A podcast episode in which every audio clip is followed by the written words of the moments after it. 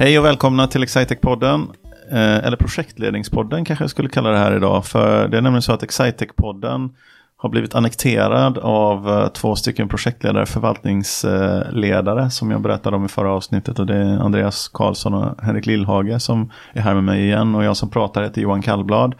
Jag jobbar som vd på Excitec och Excitec är ett lösningslevererande konsultföretag som vill göra vardagen effektivare och enklare och roligare för våra kunder genom att ge dem bästa möjliga it-stöd för sin verksamhet. Och det vi pratar om här nu då är inte riktigt vilka system vi levererar utan hur vi levererar och Andreas och Henrik eh, eh har som sagt eh, annekterat eh, podden här. Så vi gör en liten följetong om projektledning, förvaltningsledning och andra sorts projektledarskap. Eller hur? Var det så ungefär? Yes, låter bra. Ja. Och då har vi lovat våra lyssnare som har suttit och bitit på naglarna och hållit andan här tänker jag sedan förra veckan, att eh, vi skulle ha ett avsnitt om eh, projektledning, dedikerat till projektledning. Vem är mest projektledare av er två då? Henrik. Nej, jag tycker nog vi är lika, skulle jag säga. Mm. På Excitex tycker jag Henrik i alla fall, som har mm. jobbat längst här och eh, tagit fram mycket av eh, projektmodell och metodik och sånt som vi, som vi använder här. Ja, för den, jag tror det var ju den frågan som jag stängde förra avsnittet med. Med det här med projektmodell och så. Det jag egentligen undrade, när du, för du Henrik, du måste ju ha infört ganska många olika liksom, teknikplattformar, eller ganska många olika system, eller varit med om projekt där man har haft ganska mycket olika olika programvaror helt enkelt. Mm. Som har varit basen i implementationsprojekten. Men hur lika är införande projekt? Hur mycket i, i, när du tar dig an ett nytt projekt, någon säger till dig, nu ska du till Liseberg här och implementera vad det nu var du skulle göra där. Liksom, vad, vad är, då menar jag inte, det var inte nöje utan Liseberg är en stor kund till oss. Mm. Vad, hur tar du dig an det jämfört med till exempel Fonus nämnde vi i förra avsnittet? Uh, alltså, det, det, grunden brukar vara väldigt lika. Alltså approachen. Vi uh, liksom angriper projektet på väldigt lika sätt. Eh, men så gäller det att vara väldigt agil och eh, flexibel gentemot för att alla projekt är unika. Det måste man ha inställningen kring. Så man kan inte tro att man kan stöpa projekten i samma form. Men däremot så har vi väldigt bra nytta av att ha samma bas och en liknande bas att jobba ifrån. För då kan man eh, dels underlätta det praktiska arbetet och, och liksom erfarenheten eh, som man delar med sig till andra och kan ta del av.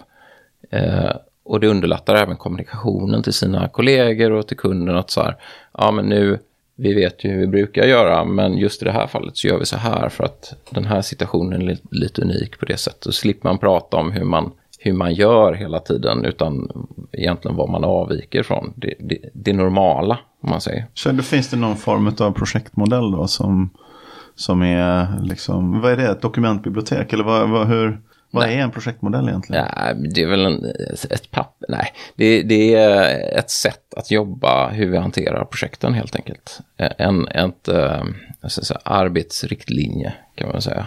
En modell med med enkla steg och eh, verktyg kopplade till de här stegen helt enkelt. Eh, skulle jag säga att det är. Och så är det det här eh, runt omkring, liksom allt från presentationsverktyg som vi har vid en projektuppstart till eh, ett kalkylarksmall för en projektplan och dokument och så vidare. Som, som är kopplat till det där.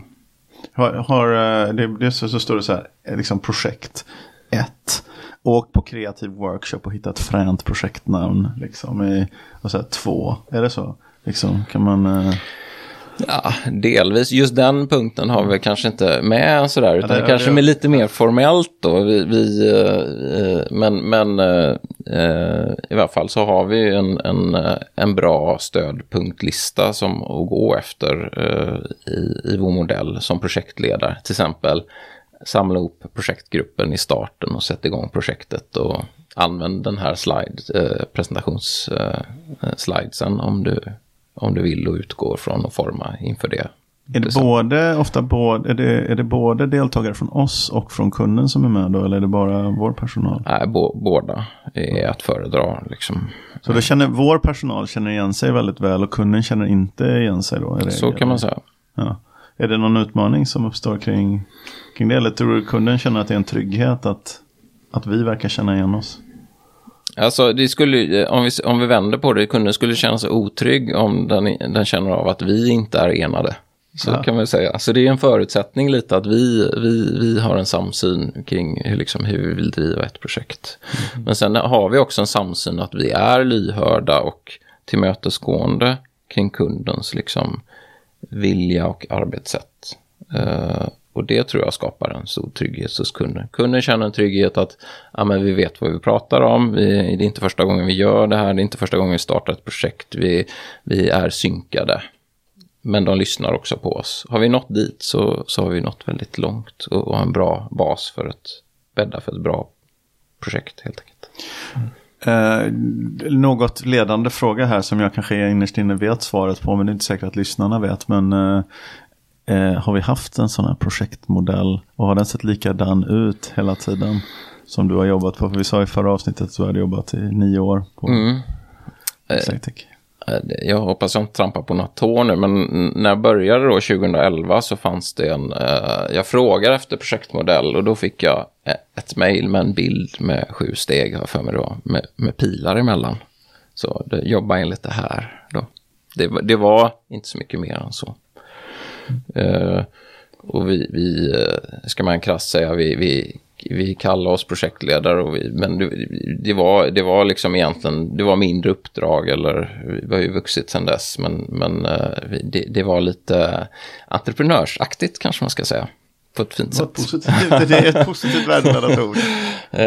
så, men och sen har vi utifrån det, vi hade lite mallar för förstudie och sådär, men det var inte jättemycket material. Ehm, eh, sådär. Och sen har vi egentligen från den eh, därifrån eh, byggt och, och successivt utvecklat. Så det har inte skett under en natt utan det här har liksom successivt växt fram och blivit bättre och bättre. Och vi har putsat och vi har gått framåt och bakåt och, och sådär. Och, och, och, eh, det är framförallt på senare år som vi har blivit väldigt synkade också inom Excitec med vår modell. Vi, ett stort steg som vi gjorde var att vi vi började eh, granska eller coacha varandra som projektledare. Och det, det gav ett jättestort hopp liksom i, i, eh, i eh, den här samsynen, hur vi jobbar tillsammans. Eh, och, och, kort och enkelt är att liksom Andreas, han, han, han dök ner i ett av mina projekt och tittade på hur jobbar du i det här eh, Liseberg eller vad det nu mm. kan vara för uppdrag. Uh, och så får han erfarenhet och han utmanar mig som projektledare hur, hur, hur jag kan jobba och så hur, gör vi tvärtom. Hur var han Andreas? Du, jag, jag, säger ingenting, du kan säga till mig bara. Nej men det var, det var ett, uh, det är ju ett bra projekt och det har gått bra så det var ju inte mycket att, att uh, hitta där egentligen. Så, men, men det var ändå mycket lärorikt för mig då som var ny då på Excitec och förstå hur, hur Excitec driver projekt och du, jag har kanske med mig en mer komplex modell där jag kommer ifrån. En tyngre liksom, eh, modell att ro, och ro runt då. Mm. Som kräver mer administration och uh, kostar mer egentligen. Så jag tycker Excitec har hittat rätt nivå på den är som du säger när podden börjar, den är liksom effektiv och enkel. Och ganska rolig att använda också. Om man, eftersom det, det, det är stor frihet. Man, är det något som inte passar för det här projektet så stryker vi det och, och uh, tar in något annat. Så vi, vi, sa ju någon gång, det kanske var i förra avsnittet, att våra projekt är mellan några hundra timmar upp till några tusen, men inte massor tusen i regel. Och i regel inte mindre än några hundra, även om det förekommer att projekt var så små som 40 timmar. Mm. Eh, pratar vi om. Men, men eh, eh, så du, jag, jag, gissar då att det, det, det, här spannet, för det är ändå 2000 och 200 timmar, är väl, det är en faktor 10. Eh, att det, det är det, det som den här flexibiliteten eh, som ni har i modellen och att behovet av flexibilitet, är det kopplat till att det är sån stor spännvidd i, i eh, storleken på projektet? Eller är det mer att programvarorna som, som ingår i projekten är Ja, skulle jag säga. Jag tror det är en, det är en orsak. Sen har väl vi Sen tror jag vi, vi har valt att inte ha så här um, olika klassningar liksom. Att om det är ett projekt för 500 timmar så måste det här ingå och är det 1000 timmar måste mm. vi lägga till de här checkpointsen liksom. Och, uh, utan vi, vi har ju en, en generell modell och den ger ju bra stöd för, för att göra våra, våra leveranser. Så när man gör anpassningar då, om det det är lite grann kopplat till storleken men inte, inte så inte nödvändigtvis. Är det kopplat till hur kundens erfarenhet är? Eller vad är det för någonting som gör när ni väljer? Vad, vad är typiska attribut som ni ser som gör att här måste vi nog göra en förändring? Eller är det erfarenheten hos våra projektdeltagare? Eller vad, vad, är, vad är några saker som kan hända som gör att man, man känner att man måste skruva i modellen? Det är ju lite skillnad också på vad vi levererar. Levererar vi eh, ett affärssystem så är det kanske lite mer komplext än att leverera ett IFO-system. Mm. Och då kanske vi, det kräver, en, kräver lite mer kontroll på affärssystemsleveransen än IFO-systemet som kanske sköter sig lite mer själv då och är lättare för kunden att ta till sig. Um, så tänker jag. Mm.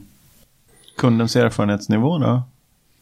Jo, den spelar nog roll. Jag kan tänka mig väldigt Eh, projekterfaren kund kan till och med ställa krav på att vi ska följa deras modell. Ja. Kanske så. Och eh, eh, det är nog inga problem för oss att göra det heller tänker jag.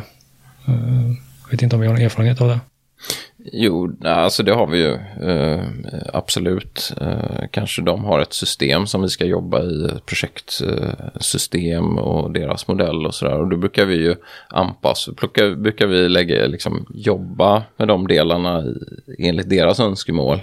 Och är det någonting vi ändå behöver göra, till exempel kanske tidsuppföljning eller någonting, att vi har, behöver kontroll över att vi inte drar i fel riktning och vi har en bättre modell, men då, då kör vi den separat till exempel sånt, sånt händer.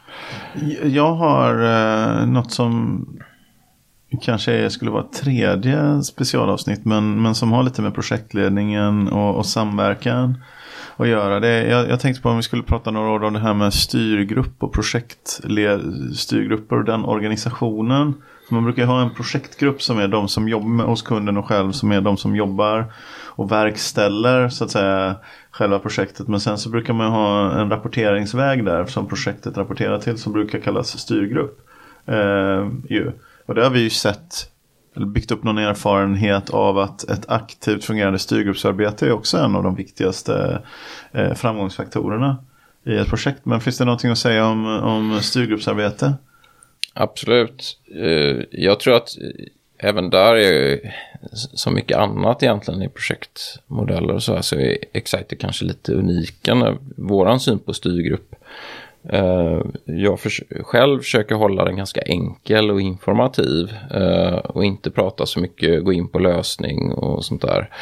Eh, och ser det ganska mycket som en liksom, eskaleringsnivå när försöker att saker ska lösas i projektgruppen. Mm. Det är ändå de som ska genomföra saker, de ska besluta om saker, de som är med där.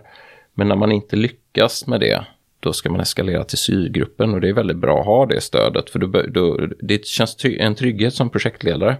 För då behöver man inte själv ont i magen om man känner att det, liksom, man inte kommer överens. Då, kan, då får man stöd i den dialogen när det behövs. Vilket är, är ganska det förekommer ju, men det, det, är långt ifrån alla, alla projekt som ens behöver styrgrupp, ett aktivt styrgruppsarbete på det sättet, där styrgruppen går in och gör saker eller nu, nu försöker vi komma överens. I de flesta fall så går det väldigt, väldigt bra eh, ur den aspekten. Men det är ändå också en bra punkt att rapportera till att nej, men det här är vår syn på hur projektet går. Mm. Vi tillsammans rapporterar det här till de här personerna som både ansvarar kommersiellt från vår sida, från Excitys sida, men även från kundens sida som har ofta den som har signat pappret eller beställt det här uppdraget som in, ändå inte är med i själva projektet. Mm. Så får en liten inblick i hur det går och skapa trygghet på det sättet. Jag tycker den förankringen man får där och att följa den och ha den, eh, liksom inte vänta och tills det krisar liksom i slutet av ett projekt eller så. Utan mm. att ha den löpande systematiska återkopplingen det tycker jag är, är väldigt viktigt. Och där har vi en bra modell där vi, vi, vi har någon form av miniminivå, ska vi säga, med fyra styrgruppsmöten vid de kritiska punkterna. Mm. Men sen är det så här, så skalar vi upp det. Om är det ett stort projekt med tusentals timmar, då behöver man fler styrgruppsmöten helt enkelt. Då kanske man har det på månadsbasis eller mm. någonting. Ja, det ska inte vara fler än att det har hänt saker mellan, så man sitter och bara upprepar samma sak. Då Nej. blir det bara en onödig administrativ nivå. Mm. Ibland har man en, en, i stora projekt en sån här change control board, brukar det kallas för ibland ju där man, där man säger så att säga för att inte lägga lösningsdesignsansvar i styrgruppen men att man ändå behöver en funktion med lite senioritet där olika funktioner från kunden kanske träffas och tar beslut om viktiga övergripande saker i lösningen som inte ändå är, som ligger ovanför projektgruppen. Då brukar man separera det till en egen. Men mm. det är mm. väl bara i de riktigt stora projekten. Ja, och det är väl det som vi brukar ha som en sån här lösningsforum då. Vi, ja. Ibland separerar vi dem så vi har liksom en, en projekt, ett projektforum som är mer administrativt kring liksom kalender och, och lite mer hårda saker. Mm. Kostnad och tid och sånt där. Och så har vi ett annat forum där vi pratar bara lösning för att det är svårt att komma liksom eh, att, att eh, banka av båda de frågorna i samma forum under en, en tid som är utan att man blir trött. Eh, sådär. Om ni skulle vilja dela med er av några best practices, eh, liksom så här oförberett eh, eh, här då, då. Jag sätter det på, på testa att sätta det på poddkanten. Men om ni vill göra några medskick till någon som ska göra ett IT, IT-projekt. Vad, har ni någonting, några, några tips som de skulle kunna, en skulle kunna vara att eh, kolla att leverantören eh, har en modell, liksom en erfarenhetsbaserad modell att hänga upp sin leverans på. Det skulle vara ett sånt tips som jag skulle ge. Men vad har ni några tips att skicka med till någon som ska köra ett IT-projekt? Du tänker att deras eh, kravställning mot, mot leverantören eller till deras egen? Att tänka på med mm. deras egen eller det, eller det mm. totala. Om kravställning till leverantören är det viktiga så kan det vara ett medskick. Men... Mm. Eh, allokera tid är en väldigt viktig del i sin, sin liksom både kompetens och, mm. och arbetstid bland de som ska vara med i, i, eh, i uppdraget ja. i projektet. Ja, inte, inte underskatta den, den, den tiden och den verksamhetsförändringen som ett nytt mm. IT-system kan, kan orsaka. Mm. Um. Mm. Allokera tid, inte underskatta verksamhetsförändringen. Mer?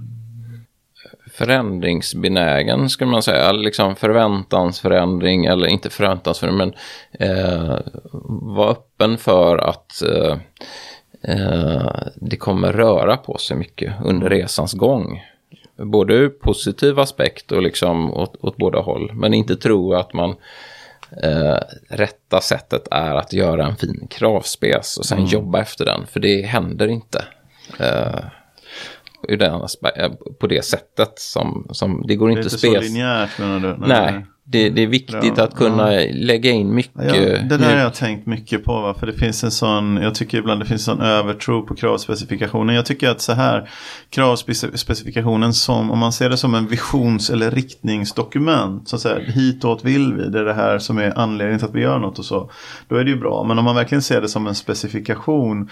Då är det nästan så att man stänger igen för den lärdom som kan inträffa under projektet för dina projektledare som kund. Även om vi kör ett, ett mellanstort projekt, 5-6 månader, 4-6 månader. Man lär ju sig en massa saker. Efter en månad kan man saker som man inte som man inte visste. Men efter en, två månader så har kunden lärt sig en massa om det systemet man ska införa. Så, så säger man, aha, har det, går det här och det här att göra? Och sen är projektdeltagarna från vår sida som kanske gör sitt femte eller sitt femtonde eller sitt tjugofemte projekt. De säger, men vänta lite, varför gör ni så här i det här utleveranssteget? När jag jobbar med de här och de här så packade de på det här sättet och packade två lådor samtidigt och det gick mycket mycket, och då börjar man liksom, aha, just det, går det att göra i systemet? Ja, absolut, det går att. Alltså den liksom kreativa delen, man lite grann stänger igen genom att låsa en hård kravspel. Så är det som att man har stängt igen och sagt nej, ingen input jag kan få från de här personerna som har implementerat exakt det här systemet tio gånger tidigare. Den är inte värd något för mig. Jag vill stänga den. Jag vill göra så som jag trodde att jag skulle göra. Lite som vi pratade om tidigare kring projektmodell. Det kan också hämma kreativiteten. Så tror jag ja. en, en för hårt hållen kravspec också kan, kan göra det. Mm. Och det är väl kanske mer om man definierar de här effektmålen med projekt och sånt. Att det är de man ska mäta. Ja. För jag, jag, tror att det finns anledning till att man ibland eh, som beställare hänger upp sig vid en kravspec. Det är att man, man är rädd för det är så abstrakt. Va? Man är inte van vid att köpa något sånt där abstrakt. Man är van vid att köpa, liksom, jag är en hamnverksamhet. Jag är van att köpa en kran som kan lyfta 100 ton. Och kan den det, då var det bra leverans och var, kan den inte det, då var det en dålig leverans. Liksom. Mm. Det, man är inte van vid att köpa något så abstrakt som ett IT-system. Och därför hänger man upp det på en, krav, på en kravspecifikation som man tror att är, då har jag ändå kontroll på vad jag får och vad det kostar. Om jag hänger upp det på det där. Men det, det jag egentligen vill och det är väl det förstår väl alla intellektuellt. Det jag egentligen vill är att få den effektivaste stödet för min verksamhet. Där värdet som den skapar får ställas i relation till vad den kostar. Att säga att jag vill absolut implementera det jag trodde att jag skulle implementera. Det, det, det är ju sällan det mest effektiva användning av, av resurser. Då. Men jag tror det är, man har en sån här osäkerhet. Man tänker också om jag släpper på på kraven. Då kanske jag bara, tänk om jag bara får hälften vad jag hade tänkt och jag får betala dubbelt så mycket. Liksom, det känns otäckt antagligen när det är abstrakt. Mm. Det är skönare, även om det bara är en chimär och det är ju det. Att kunna gå in och checka av, ja just det, det här kravet är uppfyllt, det här kravet uppfyllt, det här kravet uppfyllt. Men då försöker man göra konkret någonting som till sin natur är abstrakt. Och det... ja, det ligger mycket i det, att man, man, vill liksom, man vill veta allting Eh, kunden vill ha en väldigt bra bild av eh, och få liksom kunna checka av att man får det man har beställt. Men jobbar man enligt så så blir typiskt projekten dubbelt så dyra och du får inte alls hälften så bra vad det kunde varit Nej. levererat annars utan Därför är det här liksom vad, vad mjuk och förändringsbenägen är väldigt viktig faktor både för oss som leveran, levererar. Därför lägger vi mycket fokus på det att liksom ta hand om liksom förändringsbegäran eh, och förändringsbehov och vara lyhörd. Mm.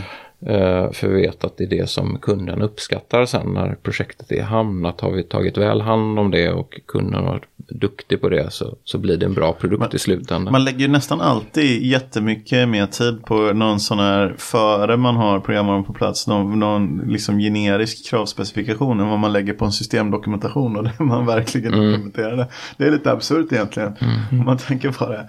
Det är ju det som man, för det som man verkligen implementerade om man, om man tänker på det. det vi, vet, vi ser ju att våra kunder kör de här grejerna i 10 och 15 år. Alltså de flesta av våra kunder, de allra, allra flesta som vi har gjort ett införandeprojekt mot, de kör fortfarande den programvaran. Vi vet alltså inte vad livslängden är. Det är jag skulle säga att det är en absolut minoritet av de implementationer vi någonsin har gjort i vårt företagshistoria som har liksom växlats ut och ersatt av något annat. Så, så livslängden på de här systemen, de är ju, att säga 10 år, det är ju lågt räknat. Det, det är ju, livslängden är ju mycket, mycket längre än så. Mm. Så det är ganska absurt för systemdokumentationen och hanteringen. Och det här blir en bra lead-in till nästa avsnitt förresten om förvaltningsledning. Mm. Och så, um, som vi sa att vi skulle ha ett. Men Eh, är ni med på, på tanken här? Att i, liksom, i 10 år, i 20 år, i 15 år så ska den här artefakten, det här systemet som vi har levererat till kunden, det ska leva, växa vidare, det ska komma nya människor, nya användare, nya någonting. Det, och det kommer behöva förändras för verkligheten kommer förändras över de närmaste 10 åren då. Att liksom lägga för lite tid och kraft på den här färdiga artefakten och hur vi tar hand om och vidareutvecklar den. Och istället lägga för mycket tid på en sak som bara används en gång som riktning in till ett projekt. Det är lite absurt. Mm. Så, så, att eh, övergången liksom projekt ehm, och förvaltning, det blev kanske en abstrakt tankebild här också. I, i, men men jag, jag tror ibland att man för oss kanske ett projekt är en one-off. Man gör ett projekt hos en kund, sen kanske man gör ett annat projekt någon annan gång och så vidare hos samma kund gärna om man växer vidare och så. Men kunden bygger ju ett arbetsredskap som ska leva med dem i 10, 15 eller 20 år. Liksom. Mm. Det, det, det, ibland så, så tror man att det är projektet som är målet men det är ju inte det. Det är ju liksom verktyget för verksamhetsstöd som man skapar som är målet. Den tankemodellen tror jag är, är och egentligen har man ju sett det också att kostnaden för ett system det är kanske 30% av kostnaden som ligger i införandefasen.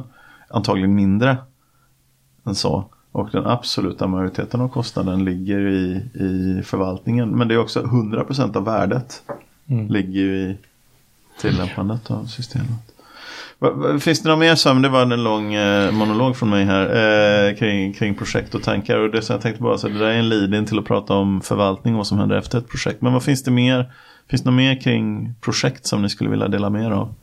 Jag, jag, kan skicka med att det är väldigt roligt att jobba med, med projekt och projektledning. Liksom det, är ett, det är ett lärande jobb. Man lär sig ständigt nya saker. Man träffar nya människor och nya verksamheter eh, som man är intresserad av att liksom utmana sig själv och lära sig nya saker så är det, är det ett bra, en, en bra sak att jobba med. Lär ni er mycket om kundernas verksamhet? Mindre än vad jag skulle vilja kanske, än vad man har tid till så. Eh, men men eh, det gör man ju. Och man, har man jobbat med en kund så, så ser man gärna den kunden lite överallt sen ute när man är ute och Mm. går omkring så. Så man känner igen logotypen och så. Liksom. Men, eh, men man lär sig ju man lär sig absolut mer än vad man kanske tror också. Och sen handlar det som, som i ens roll eh, mer om, om människor eh, och verksamheter än system egentligen om man ska vara lite krass. Med. det, det, eh, vi ställs ju inför unika situationer hela tiden. Varje, varje uppdrag är unikt och varje uppdrag har olika personer med olika top of mind och eh, mindset och alltihopa. Och man blir ju, man blir ju väldigt bra eh, på att hantera olika typer av människor egentligen eh, och situationer som uppstår. Och det är ju roligt och utmanande. Att ha, kunna hålla lugnet måste vara en viktig egenskap för. Eller jag tänker på det specifikt när jag tittar på, på er här. Ni är ju ganska, ganska lugna eh, personligheter tycker jag. Mm. Jo, men det är väl en bra egenskap kanske. Var lite metodisk och lite liksom icke-impulsiv. eh, så. Eh, det är bra för att det, det är ett, ändå ett, ett liksom... Det är ändå en metodisk väg för att nå Mm. ett upp, uppnå ett, ett eh, mål. Mm. Så så man, ska, man, man måste vara lite uthållig som projektledare också och, och liksom orka när det går in på år två att driva det här projektet som inte var sådär jättestort. Och, men ändå liksom vara positiv och ha energin att driva vidare medans eh, när andra kanske börjar bli lite trötta både på, kundsidan och från vår sida. Eh, så. Okej, tack så mycket för att ni ville vara med på det här specialavsnittet av eh, projektledning. Även om det var ni som annekterade podden till det. Men eh, Eh, det har varit ett intressant samtal tycker jag. Så eh, ska vi då som nagelbitare här så våra eventuella lyssnare då eh, fick reda på att eh, 30% det är bara 30% av kostnaden som har med införandet att göra. Resten är förvaltningen och vidmakthållandet och vidareutvecklingen av, av lösningen. Om det var något generellt så sitter ju alla och undrar, men gud jag skulle vilja lyssna på och höra lite mer om eh, förvaltningsledning och hur man gör det. Så ska vi lova våra, ska vi ta en nagelbitare och en cliffhanger till nästa vecka och göra ett specialavsnitt om förvaltningsledning då. Det låter bra. Tack.